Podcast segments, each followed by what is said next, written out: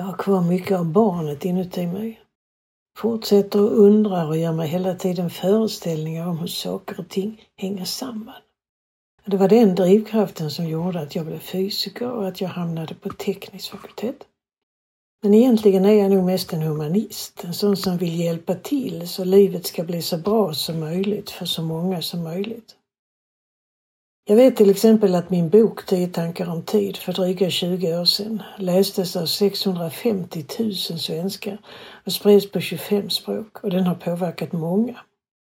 Och jag fortsätter att slåss mot hjärnspöket ont om tid, det som fördärvar så mycket av livet för så många. Det går att ersätta den demonen med känslan gott om tid. Jag lovar. Ni lyssnade precis på veckans gäst, Bodil Jönsson. En väldigt erfaren och kunskapsrik kvinna som eh, mottagit över 20 utmärkelser och priser genom åren. Bland annat STMDI-priset, Årets folkbildare två gånger, kung Carl Gustavs medalj, Göranpriset och många, många fler. Hon är bland annat professor, fysiker och författare till flertalet böcker som handlar om dagens ämne, just tid. Hennes böcker heter bland annat Gott om tid, Vad är tid och hennes nykomling Tid för tillit och trygghet.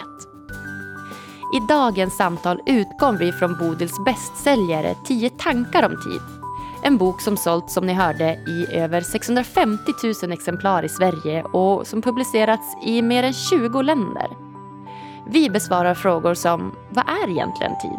Hur bör man förhålla sig till den för att bli lycklig? Varför är tiden så viktig och hur gör vi tiden till våran vän? Ett samtal som fick mig att reflektera väldigt mycket över mitt förhållningssätt till tid. För det enda vi vet är att det är vi människor som behöver anpassa oss efter tiden. Tiden kommer aldrig att anpassa sig efter oss. Jag heter som vanligt Agnes Sjöström och den här podden presenteras i samarbete med hypnotication.com. Vill du spendera din tid väl? Lyssna på det här avsnittet vet jag. Varsågod.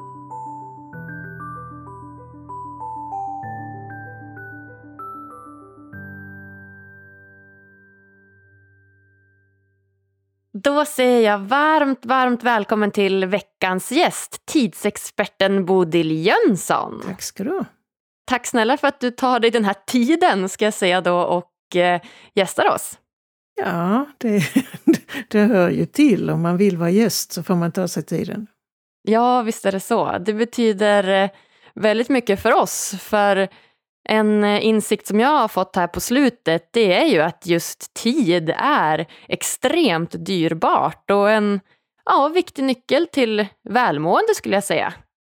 Jag tycker då det är lite spännande. Hur har du kunnat undgå att märka det tidigare?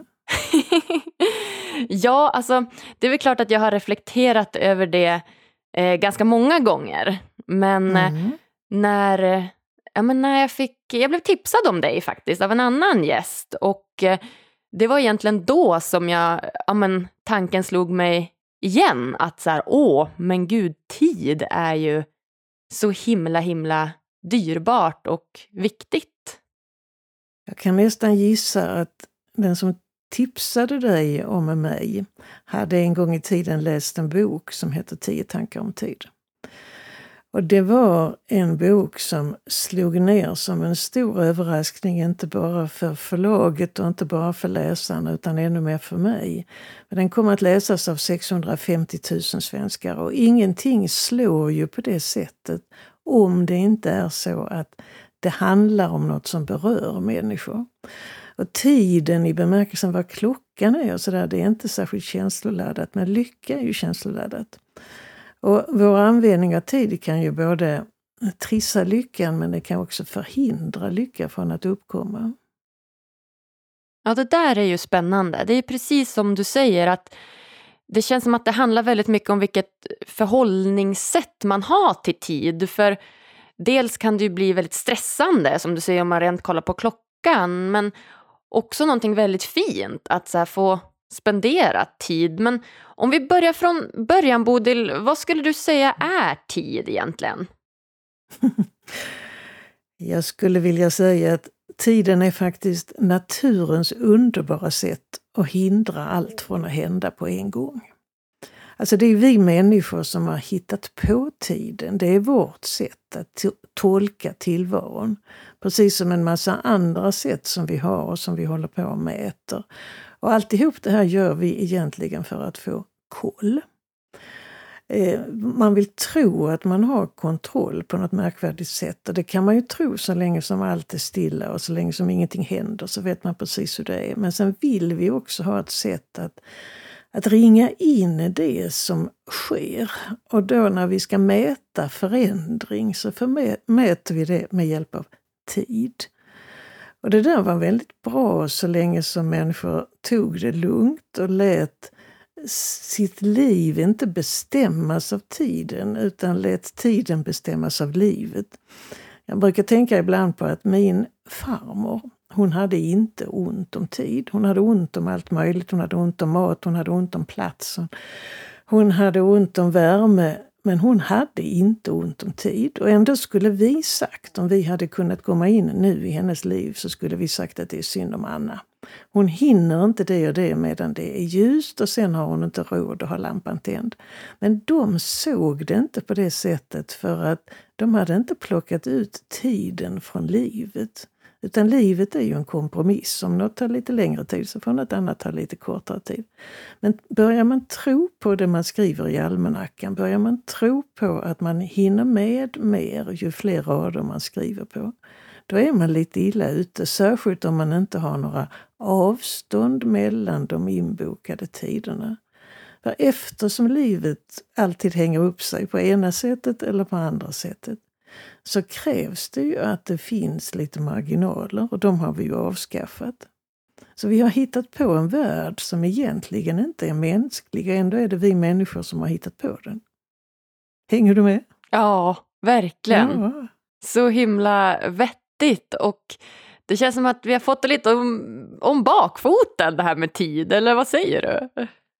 Alltså man, det mest drastiska man kan börja med att säga det är att tiden bryr sig ju inte om dig. Den bryr sig inte om om du känner att du har gott om tid eller du har ont om tid. Den bara går hela tiden. Eh, och då är det du själv som kan välja. Antingen jagar du tiden som försvinner. Eller så tänker du att ja, medan du och jag sitter här och pratar en halvtimme eller lite mer så kan man tycka att nu tar vi en halvtimme från våra liv. Men man kan vända på det och säga att ja, fast medan vi sitter här och pratar så kommer det en halvtimme till oss. Och den här skillnaden mellan att känna att man jagar efter tiden som precis försvinner eller att man låter tiden bara komma, den gör all skillnad i världen. Sen finns det en väldig massa andra små regler och tankar som man kan ta. Men det här att, att förstå att till exempel det nuet som är precis nu. Det skulle ingen av oss vilja leva i för att vi har gjort det till ett mantra i vår tid att vi ska leva i nuet. Men nuet är ju redan borta. Så skulle man försöka leva i nuet så ger det bara ångest. Och man har ingenting att se fram emot. För att nästa nu kommer också genast att försvinna. Utan man måste acceptera att vi lever i ett flöde av nu. Om du tänker på nu som, som ett pärlhalsband. Det kommer ett nu efter ett nu efter ett nu och vi är ödesmässigt bundna att följa med i det pärlbandet. Och det kan vara väldigt fint, men det kräver ju att man inte sprattlar emot, att man inte försöker hålla fast vid nuet, för det är fullständigt omöjligt. Nuet är gjort för att försvinna. Alltså jag kan gå ännu längre ibland och ibland så tänker jag att tänk om människor slutade bry sig om tid. Vi kan ju ändå inte göra någonting åt det. Utan den bara finns och den bara går och den bara kommer. Så att fokusera på tid, då får, är det en tendens att man gör sig själv olycklig. Men jag tänker då, det låter ju så vettigt det du säger. Men just det här att samhället är ju så uppbyggt efter tid. Alltså, säg ett jobb till exempel. Oftast så, ja men det finns ju många jobb fortfarande som är väldigt klassiska 8-16 och eh, sen börjar fotbollsträningen för barnen 17.30 och sen så måste de gå och lägga sig 21.00. Det är som att vi förhåller oss alltid till till tiden. Så hur skulle du säga då i dagens samhälle att man bör förhålla sig till tid för att må bra? Jag kan ju börja i det som var bra i det du sa. Alltså det är ju väldigt bra att du och jag kan bestämma en tid när vi ska sitta och göra den här inspelningen. Eh, det hade inte varit särskilt praktiskt om vi inte hade kunnat bestämma vad är det som är samtidigt för dig och för mig. Det är bara att vi har drivit den här samtidigheten för långt. Så om du en dag har ganska långt mellan de punkter i tid som du har prickat in och som du vill ha gemensamt med någon annan människa. Det är när de börjar komma för tätt som du inte har någon tillåtelse att överhuvudtaget variera dig. Att uppleva någonting. Vi tar ifrån oss upplevelsen om vi sätter punkterna för tätt. Jag hade eh, under många, många år en sekreterare som gjorde fantastiska insatser. Eh, men då och då så fick hon fatt på mig och så sa hon, och Bodil jag har gjort det och det och det och det. Och sen stod hon alldeles stilla så tittade hon med stora ögon på mig och så sa hon, men sen kom livet emellan. Jag tycker det är ett sånt fantastiskt uttryck att det var liksom något som störde hennes upplägg. Det var att livet kom emellan. Men vi måste räkna in livet. Och livet är inte fixerat till allt för täta nedslag i. Då hinner man inte uppleva något, om jag överdriver. Mm. Ja, så himla sant. Som du säger att när almanackan blir för tät, när det inte finns någon tid emellan det man ska göra så, så hinner man inte riktigt uppleva livet heller. Nej, nej. Det är som paradox att man försöker planera in och planera in och planera in så att man ska uppleva så mycket som möjligt och så missar man nästan livet. Alltså du kan ju börja med att tänka om du springer till eh, bussen till exempel så inbillar man sig att eh, man ska ha turen att bussen kommer för sent. eller något sånt. Man vill alltså tänja tiden. Men det är ju aldrig tiden man tänjer utan man tänjer sig själv. Och Det är ju det som gör oss så utmattade. För att tiden sköter sitt. Och när vi inte vill anpassa våra liv efter vad som är möjligt för oss och tror att vi kan beveka tiden så är det oss själva vi slåss emot. Ja, den är bra. Tiden är ju det den alltid är, den är ju konstant och det är vi då, människan, som behöver anpassa oss. Alltså det är tidens gång som är konstant. tiden, tiden stannar ju inte upp heller, den bara fortsätter. Ja. Ser du det från det positiva hållet så säger jag att den är ju så diktatoriskt generös.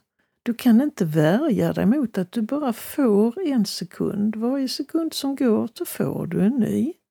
Det är ju jättesnällt. Varför ska vi bråka med tiden? Nej, precis. Varför skulle du säga att tiden är så viktig för dig? Alltså för mig är den inte särskilt viktig. Ehm, ehm, alltså på ett sätt så var det så att jag började tänka på tid när jag var fyra år. Då missförstod jag årsringarna på en stubbe så att jag trodde att också människor hade årsringar. Jag trodde att om man sågade huvudet av mig och tittade ner så skulle man se fyra årsringar och snart skulle det bli fem. och det där var jag väldigt uppfylld av som barn och jag tror att det är det som sitter kvar fortfarande, den här förundran över hur man byggs upp som människa. Jag tror inte längre på att jag har, inte eller du heller, har årsringar inuti det, men jag tycker det är en fantastisk bild. Att vi visar varandra de senaste årsringarna. Och det gör vi i utseende och i röst och i sätt att tänka och allt möjligt. Men man har ju alla de andra med sig. Så det här med, om du tittar på vem du är nu, så är du din senaste ålder, men du är ju också alla de andra. Och de där ligger inte stilla så som de gör i trädets årsringar utan man kan ju få kontakt med sina tidiga årsringar och framförallt så inbillar åtminstone jag mig att de pratar med varandra hela tiden. De är ju inte dumma så jag kan vakna ibland och komma på att Ja, jag kommer på någonting som är så fiffigt så jag hade inte kunnat tänka ute i vaket tillstånd. Så ligger jag kvar och undrar över var fick jag det här ifrån? Och då och då så tror jag att det är, det är nog min 15-åring som har pratat med min 37-åring där inuti medan jag så kallat sov. Så de fick vara i fred. Och det roliga då är ju att 37-åringen fanns inte när 15-åringen gjorde sina erfarenheter. Men nu finns de där samtidigt. Eh, så den sortens sätt att tänka på tiden är ju väldigt eh, säga, existentiellt utmanande och därför jättespännande. Men det är ju något helt annat än att tänka på hur ska jag hinna till bussen. Eh, jag är lite fascinerad av tid också utifrån att den säger så mycket som vi inte tänker på. För tid är ju inte vad klockan är, utan det är vad som är före och vad som är efter. Det är oerhört viktigt för att förstå hur saker hänger samman. Om man till exempel håller en boll i handen och så släpper den så tycker du det är helt okej okay om den sen ligger på marken. Men det skulle kännas väldigt konstigt om du bara sträckte ut handen och så bollen kom upp till din hand. Ändå var det enda man hade gjort och det var att man hade vänt på före och efter. Ja. Så det är det ena som tiden bestämmer, det före och efter. Det andra är att den bestämmer hur ofta. Och så bestämmer den hur länge. Och om man inte har koll på hur ofta, hur länge, i vilken ordning, så blir hela världen så förvirrad som vad den är i våra drömmar. För i drömmarna har vi ju ingen ordning på tiden. Det är därför vi har så svårt för att återge vad vi har drömt.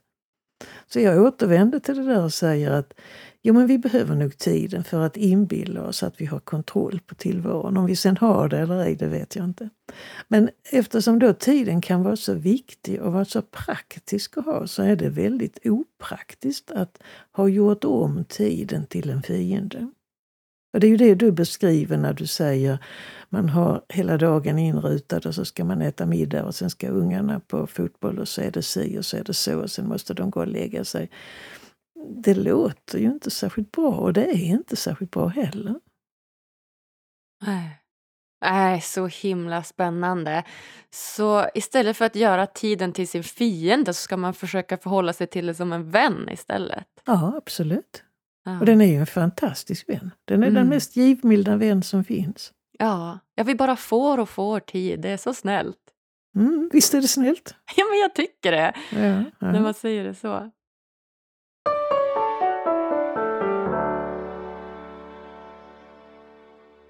Vill du stärka din självkänsla, sova gott och må bättre? Då borde du testa vägledd självhypnos det enda du behöver göra är att lyssna, slappna av och följa instruktionerna. Gå in på hypnotication.com och hitta dina favoriter idag. Ange koden LYCKA för 15% rabatt på hela köpet.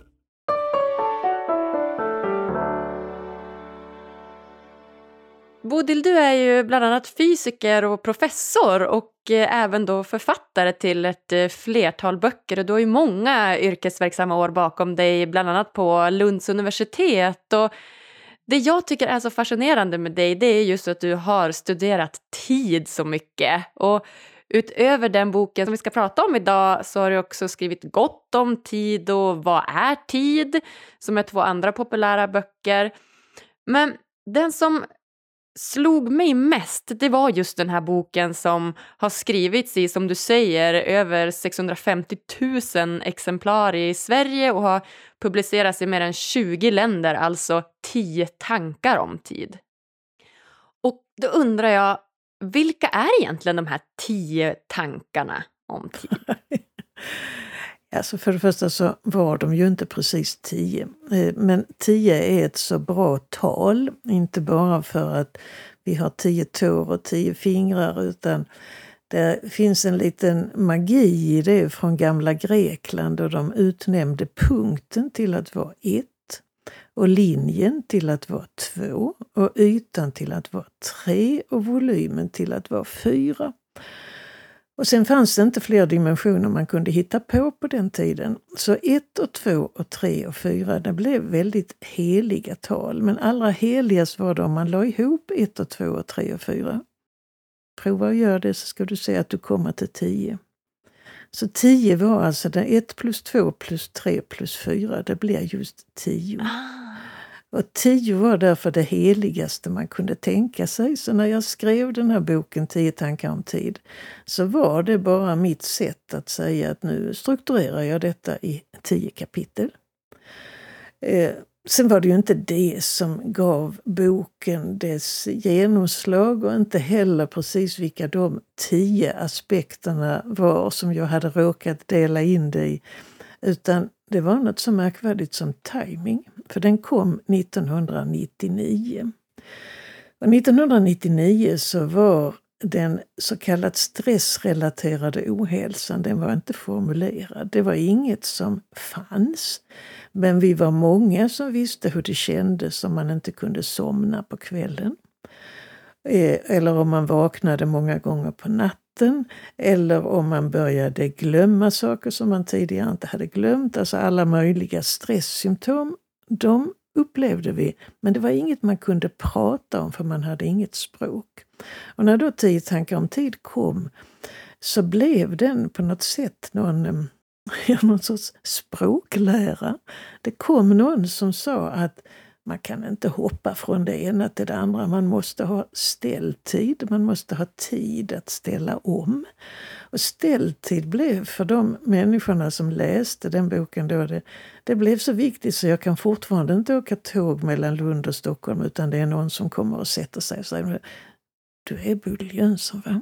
Och så börjar de berätta vad ställtid har betytt i deras äktenskap och i deras arbetsliv och i allt möjligt sånt.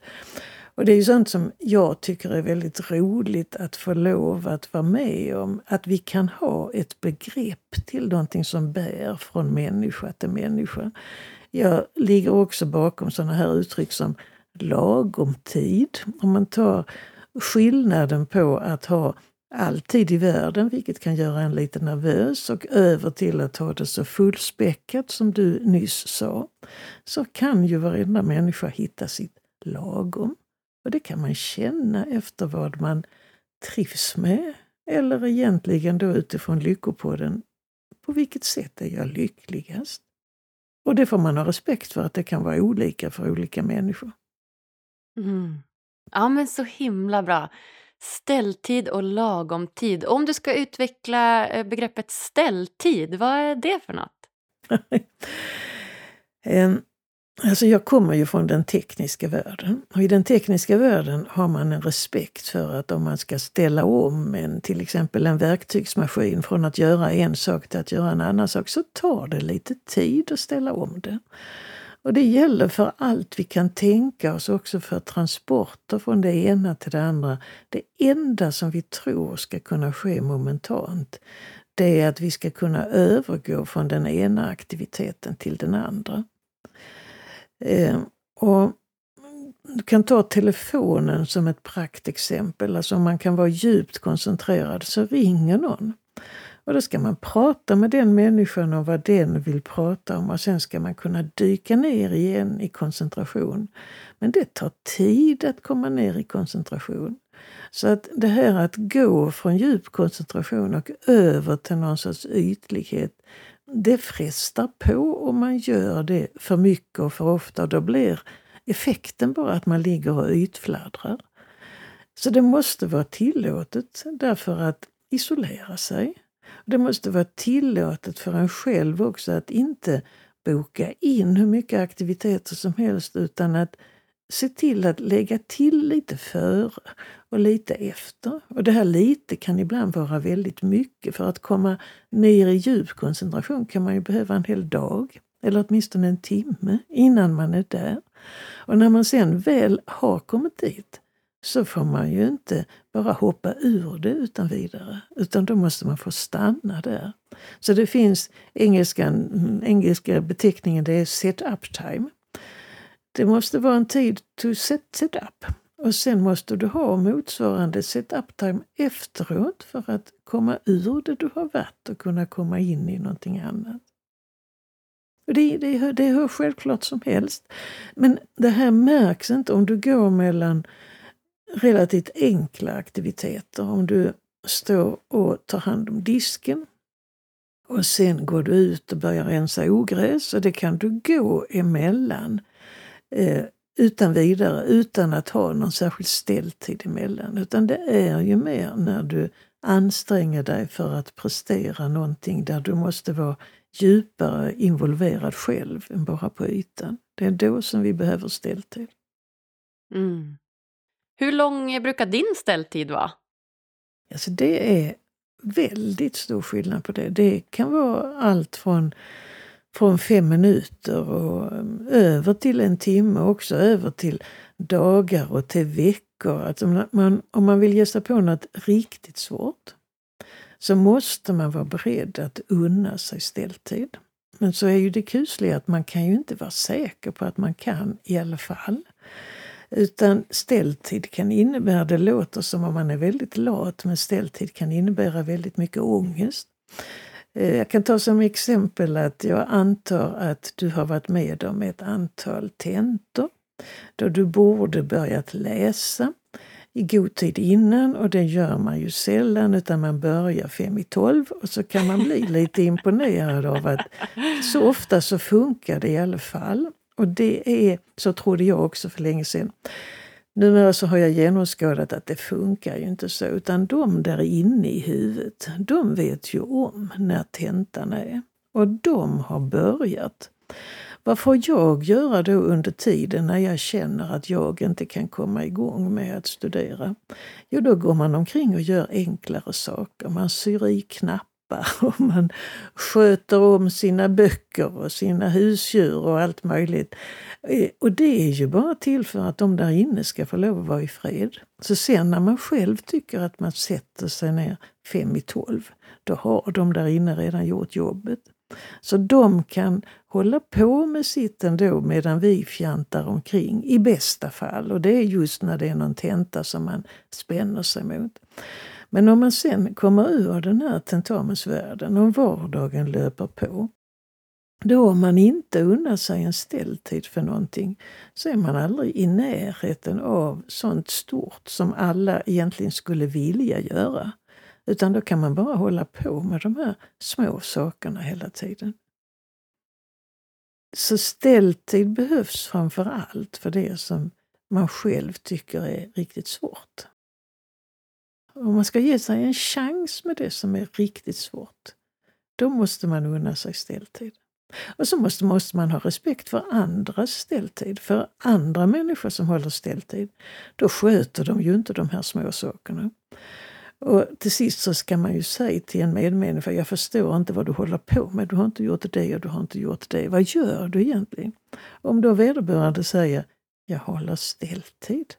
Då ska man ju bara säga att Oh, är du så modig? Vågar du hålla ställt dig? Då ska jag täcka upp för dig så länge och så är irritationen borta och så blir det lite trevligare. Så det är, det är viktigt också att man, man är ju inte ensam om sitt liv utan man måste ha pratat ut om sånt där. Mm. Ja men verkligen, det ska jag säga till mig själv. För ja, jag har pluggat till en och annan tenta och det krävs ganska mycket ställtid. Och det låter lite snällare ställtid för det man annars skulle kunna kalla det tycker jag nästan är prokrastinering, att man skjuter det framför sig. Men, men ställtid är lite snällare. Det är lite snällare och jag tror att du känner igen dig i att under den perioden då gör man ju bara lätta saker. Oh ja. Jag vet inte om du i ditt huvud tycker det är kul att rita upp, man kan göra en fyrfältstabell där det står lätt, svårt, roligt och tråkigt. Så det blir en ruta för lätt och roligt, en för lätt och tråkigt, en för svårt och roligt och en för svårt och tråkigt. Och de där rutorna då som handlar om det lätta, de kräver ingen särskild ställtid. Men det svåra, det kräver ställtid. Och då kan man ju liksom börja tänka efter vad, vad börjar man sin dag med? Ja, om man börjar sin dag med det som är till exempel lätt och tråkigt för att man säkert ska sköta sig, så har vi hittat på en värld som är så full av lätt och tråkigt uppgifter. Så att de lätt och tråkigt uppgifterna, de kan fylla ut hela dagen. Och man kan känna när dagen är slut att jag har minsann jobbat hela dagen och jag har fått gjort det och det och det. Men allt det där som handlar, ligger i rutan, till exempel svårt och roligt, som man ju gärna skulle vilja ge sig på, det kommer man inte i närheten av. Och så kan det låta så nonchalant om man säger att men nu ska jag ta fatt i det som är svårt och roligt. För då verkar det som att man bryr sig inte om alla de där små trivialiteterna. Men de får sin chans ändå, för medan du håller ställtid mot svårt och roligt så kan du inte göra bara det, för då får du så mycket ångest. Utan därför gör man under tiden en massa små saker. Så de blir gjorda ändå, men man måste veta om att det svåra och roliga, det är dit jag vill komma. Ah, så himla bra!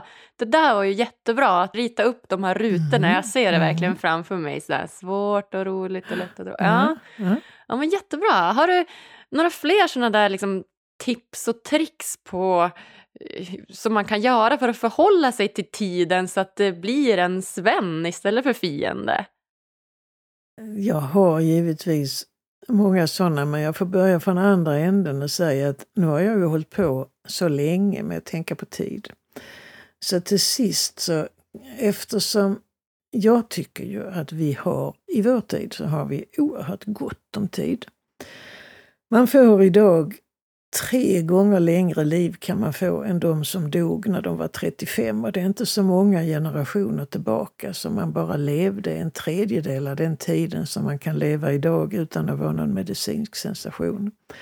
Och så är människor pigga och friska tills de blir ganska gamla och så har vi tekniken som hjälp så vi får sån utväxling på det vi gör. Så hade vi kunnat stå framför några tidigare generationer och säga till dem att vi tycker att vi har ont om tid så tror jag att man skulle känts väldigt genant. Och det var det som låg bakom att till sist jag satte liksom ner foten och skrev för ett år sedan skrev jag boken Gott om tid. För att försöka visa hur gott om tid vi faktiskt har. Och har man ingjutit den känslan i sig själv så ändrar liksom hela livet karaktär. Men sen fortsätter ju mina tankar att gå vidare så att efter den boken så tänkte jag, men alltså om jag nu har rätt i att vi har faktiskt gott om tid. Vad är det då som skapar den otillfredsställelsen som faktiskt finns i vår tid? Och det som gör att människor brukar säga jag har så ont om tid. Vad är, vad är det man menar med det? Eh, och till sist så tickade det här ner till att jag har fått för mig att det är inte tid vi har ont om, utan vi har ont om trygghet och vi har ont om tillit. Och då var det så stort så det vågar inte ens jag mig på att skriva och tänka om tillit och trygghet utan jag slog mig ihop med en läkare, en smittskyddsläkare, han heter Åke Åkesson. Och så gjorde vi tillsammans en bok som precis har kommit som heter Tid för tillit och trygghet. Och den betyder både att det är dags. Det är dags för tillit och trygghet. Vi har för lite tillit och trygghet. Det är ju det som gör livet värt att leva. Det är om man känner att man kan slappna av. Du är väldigt nära lycka när det finns tillit total tillit och total trygghet. Eh, och Åke då, han är ju läkare och det gör att det passar sällsynt bra eftersom när man är sjuk, det är då man känner sig så liten och ynklig och inte kan någonting. Det är då man mest behöver tillit och trygghet. Så det är i den änden jag är för närvarande, att jag tänker att vi kunde väl sluta upp med att skylla på att vi har ont om tid, för det har vi faktiskt inte. Och så skulle vi börja kunna titta på vad är det vi skulle kunna fokusera på istället. För att våga leva, för att vilja leva. Okej. Men gud så spännande. Så det är, liksom ett, det är liksom ett hopp framåt från de här ganska små men dock knepen för att uppleva lite mer av gott om tid och över till att spänna bågen hela vägen. Ja, så tillit och trygghet. Så om du skulle då dra den här kopplingen mellan tid och tillit och trygghet. Hur skulle du säga att det hänger ihop? Hur liksom kom, kom det sig att ni kom fram till att det som egentligen saknas är tillit och trygghet? Jag får börja från det hållet och säga att jag hör till de som har höjdskräck. Det har kanske du också. Ja. Min, min, min höjdskräck är värst när jag kommer ut på broar högt över vatten. Eh, och den är då sån att eh, alltså, rädslemusklerna knyter sig och svetten rinner och man kan ingenting. Men jag kan ju ändå konstatera att jag har ju kunnat ta mig över en och annan bro och det går lättast om jag får gå mitt på bron. Och om den har räcken. Om du tänker på samma sätt om tid. Så om du har långt till dina deadlines, alltså långt till kanten på bron, då är ingenting särskilt farligt. Då har man råd att vara generös. Något kan gå lite fortare, något kan gå lite långsammare, inget farligt kan hända. Och när man har råd att vara generös och hjälpa sina medmänniskor och vara snäll mot sig själv, eh, då känner jag ingen människa som inte blir glad av att vara generös. Det känns väldigt skönt att kunna ge bort någonting. Och det man egentligen kan ge bort då, det är ju att ge bort av sin tid. Eh, men den här höjdkrampsanalogin tror jag har spelat en väldigt viktig roll för att komma till det här med tillit och trygghet. För när man är längst ut på kanten, då har man ingen tillit. Då är ju ett litet snedsteg, det är livsfarligt. Och man har ingenting att hänga upp sin trygghet på. Så de här tilliten och tryggheten, de skapar liksom större marginaler. De skapar bättre skyddsnät, men framförallt att man inte är så instängd. Det går säkert att tänka sådana här tankar också utifrån klaustrofobi, att bli instängd och inte ha några marginaler. Men för mig så blev analogin till höjdskräck. Det blev en viktig början på att inse att det är tillit och trygghet. Och då vågar man improvisera. Och improvisera är ju egentligen det som är livet. Alltså om man inte vågar prova något nytt, då är det ju inget kul. Men är du alltför instängd så kan du inte prova något nytt. Mm. Så himla sant. Och det gäller ju det med almanackan också. Att har du alldeles för mycket inplanerat i almanackan, ja men då har man ju heller inte tid att prova någonting nytt. Och Nej, då blir det heller nej. inte livet roligt. Så är det. Ja, så himla bra. Skulle du säga att eh, rätt förhållningssätt till tiden gör dig lycklig? Jag skulle säga att det är faktiskt en nödvändig förutsättning. Det gör mig inte lycklig. Lyckan måste man hitta på något annat sätt. Men utan den förutsättningen så är det på gränsen till omöjligt att vara lycklig. Så det är en förutsättning för Det är en lycka? förutsättning. Och hur, eh, hur brukar du vilja spendera din tid? Ja, genom att i så stor utsträckning som möjligt låta bli att fokusera på tiden. Alltså det är inte det som, det är inte det som jag tänker på. Låta, gärna låta saker få ta den tiden som de behöver ta. Eh, det finns något som ett väldigt fin lycka kan ligga i mm, alldeles vanlig arbetstillfredsställelse. När du har gjort något som du tycker är bra så handlar det ofta om att du har fått lov att göra färdigt det. Alltså man ska inte behöva ha det som barnen i skolan så att det blir rasttunget när man precis vill hålla på med någonting. Utan man ska få lov att göra färdigt. Och det är en liten sorts lycka. En annan kan vara den här himlastormande lyckan som kan ligga i bara att få lov att finnas. Hur ska jag kunna komma på att jag finns? Det går inte att komma på att man finns om man ligger där som en slav mellan små aktiviteter. Utan det kräver ju att man kan gå in i sig själv. Men sen vill jag hålla fast vid att det är ju väldigt olika också. Så jag är ungefär semi-eremit. Jag behöver få lov att vara till hälften ensam med mig själv. Eh, för att annars kan jag bli väldigt ledsen.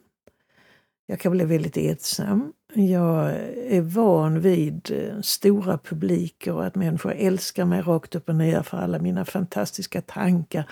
Och de blir så lyckliga medan jag själv, om jag utsätter mig för för mycket sånt så blir jag ju bara ledsen. Då vill jag ju bara sätta mig bakom ridån och gråta. Och det är inte helt ovanligt och det handlar också om någon sorts eh, spänning i en viss situation. Men, men den blandningen som man behöver mellan det ena och det andra, den ska man nog ha respekt för. Mm. Så du vet allt man talar om extroverta människor och introverta människor. Och då en semi-eremit som jag, jag är ju ganska introvert. Och en följd av att vara så introvert är att man hinner tänka mycket. Ja, verkligen. Och det var faktiskt eh, han, våran gäst, som pratade om extroversion och introversion som tipsade oss om dig, Linus Jonkman. Ja, ja, ja. Så att, eh, det märks att han har funderat också ganska mycket på det här med, med tid och det väcks väldigt mycket reflektioner i mig också. Så himla spännande. Mm. För du vet, den introverta tiden den är ju en helt annan än den extroverta. Mm. Den extroverta som drar nytta av att göra de här nedslagen som man kan notera i sin digitala almanacka, eh, den eh, har ju ingen motsvarighet i det introverta. Där sätter man inte sådana, för där är man ju med sig själv. Och där är man inte, inte beroende av tiden på det sättet. Nej, men exakt. Verkligen. Så det handlar om att veta hur man själv vill spendera Ja. sin tid utifrån sina förutsättningar och önskningar. Ja. Och då tror jag att man kan känna efter, kanske inte riktigt hur vill jag ha det med tiden, utan man kan känna efter hur vill jag ha det med lyckan. Alltså att utgå från lyckan kan vara ett bra sätt att komma på hur man vill spendera sin tid. Mm, den är bra. Att Mm. fundera på sin, vad man själv blir lycklig av och hur man vill spendera tiden. Ja, ja. Ja. Ja, Bodil, gud, det här är ju superspännande och jag skulle kunna prata med dig i flera timmar till. Men jag tänker här att vi ska gå in på de eh, sista frågorna innan vi lämnar varandra. Då gör vi det. Och den första frågan är ju då, vad gör dig riktigt lycklig? Jag brukar säga att jag är billig i drift. Eh, Så att jag kan bli riktigt lycklig bara av en för mig själv ny tanke. Det kan vara något jag kommer på själv. Det kan vara något som någon annan människa säger. Och så blir jag jättelycklig. Eh, upp till det så är jag ju som alla andra människor. Jag kan bli glad av mina barnbarn, jag kan bli glad av min sambo, jag kan bli glad av min katt, jag kan bli glad av att eh, vakna på morgonen efter ett tag, inte genast med detsamma utan efter ett tag. Eh, jag kan bli glad av musik och sådär men jag tror det här med att kunna bli riktigt lyckohög av en tanke, det är nog lite speciellt. Ja, ja men det är det nog. Och vad fint att eh, kunna glädjas och bli lycklig för de små sakerna. Ja, det, och det, är inte- det är inte litet, det är stort. Det är stort, det är sant. Det är Vem är jag att stort, säga att det är stort. litet? Men det är helt sant. Det är jättestort med en ny tanke. Ja, vad fint. Mm. Om eh, du fick ge lyssnarna en utmaning som de kan göra varje dag för att bli lite lyckligare, vad skulle det vara då? Det var att fundera på vad de vill ge bort. Mm. För allt det där med givmildhet, det påverkar ju en själv också. Så att man vinner oerhört mycket själv på att kunna ge bort rätt saker. Det behöver inte vara saker, det kan vara tid till exempel. Men till rätt människor. Alltså att bry sig så om sina medmänniskor så att man inte bara unnar dem allt gott utan att man unnar andra deras framgångar. Det vinner man själv jättemycket på. Ja, för ju mer man ger desto mer får man ju tillbaka. Absolut. Ja. Som du säger, det behöver ju inte vara en, en sak utan det kan ju vara uppmärksamhet eller tid eller något annat. Precis. Ja, men jättebra. Eh, Vem hade du velat ska gästa Lyckopodden?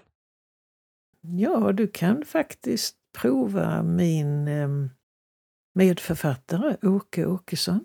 Tror jag skulle vara en fascinerande gäst för dig. Ja, spännande. Det var han som var läkare, eller? Ja. Ja, Åke Åkesson, vilket härligt namn. Han finns på Öland, vid Borgholm. Ooh. Chefar på deras hälsocentral. Okej, gud, det, det låter så helt fantastiskt. Och nu speciellt när sommaren är här utanför fönstret, att få vara på Öland i Borgholm, det lät inte pjåkigt. Nej. Ja, nej, om man vill eh, komma i kontakt med dig då, Bodil, hur gör man då? Det går att hitta mig på nätet. Jag har en hemsida som heter bodiljonsson.se. Eh, det är väl det lättaste. Där finns telefon, där finns mejl, där finns allt. Och sen är jag som sagt ganska introvert så att jag är bättre att komma i kontakt med om man tar det elektroniskt. Just det. Ja, men det är ju bra att veta. Mm, det är det. Är det något eh, slutligen som du känner att du vill dela med dig till eh, lyssnarna av? Nej, jag skulle vilja dela med mig till dig. Att du är en eh, rolig samtalspartner på det sättet att det går att urskilja att du tänker till. Jag tror att också du, du har kanske inte tänkt så mycket på det, men jag tror att också du faktiskt blir glad av en ny tanke. Ja, nej men alltså du har så rätt. Det vill jag dela med mig av till dig. Tack, snälla du. Det kan lyssnarna också få höra på, att jag tyckte så. Ja men verkligen. Nej, men det, det har du nog helt rätt i. Och det är ju därför, det är en anledning till att jag tycker att det är så kul att podda faktiskt. Det är ju för att jag får så många nya eh, infallsvinklar på olika ämnen. Ja, ja. Och det absolut är ju en ny tanke. Så att eh, jag blir jätteupprymd. Och just det här med tid, ja, det är helt nya perspektiv och eh, ja, jag känner mig lycklig. Faktiskt. Ja, bra. Lycka till! Ja, då säger jag tack snälla, snälla Bodil för att du tog dig tiden och gästa oss här på Lyckopodden. Tack. Åh, gulligaste Bodil alltså. Så spännande avsnitt. Tid är alltså en förutsättning för att kunna bli lycklig. Så himla bra att veta. Jag ska verkligen försöka göra tiden till min vän. Tycker ni det här var lika bra som jag? Prenumerera gärna på Lyckopodden, följ oss på sociala medier och ge oss fem stjärnor på iTunes. Tack för att just du lyssnar. Vi hörs på tisdag igen. Puss och kram!